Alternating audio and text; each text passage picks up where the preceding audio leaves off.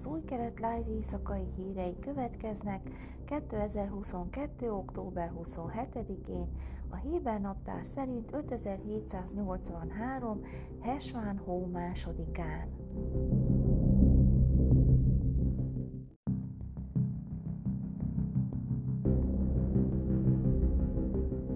Szerdai jelentés szerint 43 diák 2014-es dél-mexikói eltűnését vizsgáló bizottság vezetője Izraelbe utazott, hogy megpróbáljon meggyőzni egy keresett, volt magasrangú tisztviselőt az együttműködésről. Tomás Zeront, Mexikó egykori bűnöldöző szolgálatának vezetőjét a nyomozás veszélyeztetésével, valamint több mint 50 millió dollár elsikasztásával és gyanúsítottak megkínzásával is vádolják. Zeron elmenekült Mexikóból, miután Andrés Manuel López Obrador mexikói elnök 2019-es megválasztását követően újra indult a nyomozás az eltűnések ügyében. Azóta Izraelben tartózkodik, ahol menedékjogot kért.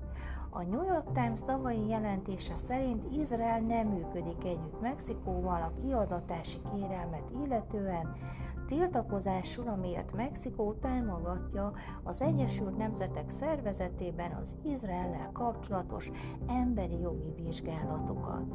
Februárban, egy hónappal azután, hogy Mexikó benyújtotta kiadatási kérelmét, Alejandro Encinas, a bizottság vezetője Izraelbe repült és közel három órán át ebédelt Tel Avivban Zeronnal, írt a szerdán a Times jelentés szerint Encinas könyörgött Zeronnak, hogy adjon több információt az ügyel kapcsolatban, és felajánlotta az elnök támogatását a diákok maradványaival kapcsolatos új információkért cserébe. Zeront akár 60 év börtönre ítélhetik. Egy mexikói tisztviselő tavaly azt állította a Timesnak, hogy Zenon segítséget kapott a vele kapcsolatban álló izraeli cégektől, például az NSO Grouptól, melynek állítólag engedélyezte a kémprogramja használatát. Az NSO tagadja, hogy valaha is segítette volna Zeront, és a Times szerint nincsen közvetlen bizonyíték az állításra.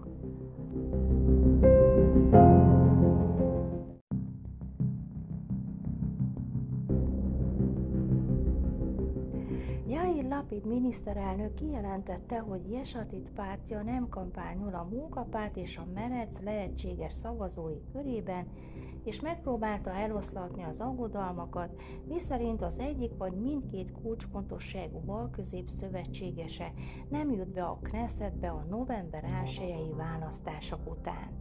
A Hárec napilap riportja szerint a Jesatid arra utasította a telefonos ügyfélszolgálatán dolgozókat, akik kapcsolatba lépnek a bizonytalan szavazókkal, hogy ne próbálják meggyőzni azokat, akik a munkapártra vagy a merecre szavaznának. A legutóbbi közvélemény kutatások azt mutatják, hogy mindkét baloldali párt fejenként 5-5 mandátumot kapna a Knessetben, biztonságosan túlépve a négy céget jelent jelentő választási küszöböt. A 13-as csatorna keddi közvélemény kutatása szerint azonban mindkét frakció négy mandátumra esne vissza, miközben a Jesatid a rekordszámú 27 széket érne el, amennyiben most lennének a választások. Lapid szerdán azt nyilatkozta az izraeli médiának, hogy pártja nem próbálja elvenni a szavazatokat a Merectől és a munkapártól, a kampány célja inkább az, hogy elnyerjék annak a 60 ezer bizony bizonytalan szavazónak a bizalmát, akik a két tábor között vacilálnak. A merec vagy a munkapárt kiesése komoly csapást mérne Lapid hatalmú maradásának esélyeire, illetve Benjamin Netanyahu hatalomba való visszatérésének elkerülésére.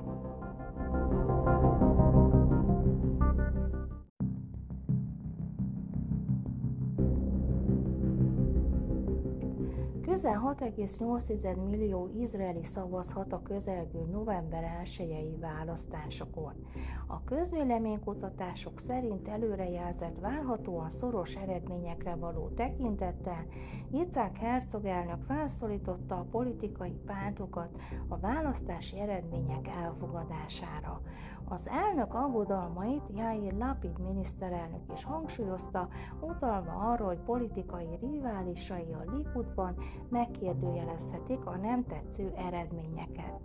A Likud ugyan visszautasította az állításokat, és kijelentette, hogy tiszteletben tartja a választók akaratát, ugyanakkor az ellenzék vezetője Benjamin Netanyahu azt hangoztatta, hogy a Likud felügyelőket fog megbízni a szavazatok számlálását dokumentáló felvételek készítésére, amely hatósági felhatalmazás nélkül azonban törvénytelennek számít. A végeredmény megkérdőjelezésére a papír alapú szavazatok megszámlálását illetően kerülhetne sor, de az ország mintegy 11.707 úgynevezett fizikai szavazóhelyiségében garantált mind a választási hatóságok, mind a szavazatok regisztrálásának tisztasága, köszönhetően az izraeli választásokhoz kapcsolódó számos felügyeleti rendszernek. A visszaélések elkerülése véget a szavazó helyiségekben biztosított a tisztességes eljárás felügyeletivel megbízottak, illetve a külső területen felügyelő rendőr jelenléte is.